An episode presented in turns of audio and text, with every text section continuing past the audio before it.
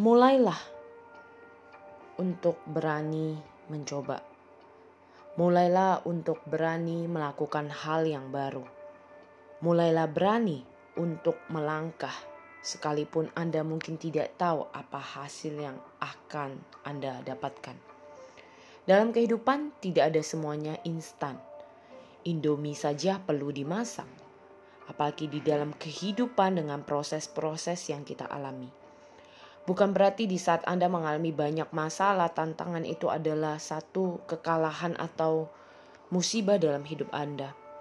Namun percayalah bahwa Tuhan sedang mempersiapkan hari-hari Anda, hidup-hidup Anda menjadi pribadi yang lebih kuat, tangguh, dan memiliki sebuah pribadi yang bisa menjadi inspirasi buat orang di sekitar. Ingat bahwa hidup tidak ada yang kebetulan. Anda diciptakan dengan kapasitas kemampuan yang luar biasa yang telah diberikan oleh Sang Pencipta. Hargai hidup ini karena hidup hanya satu kali.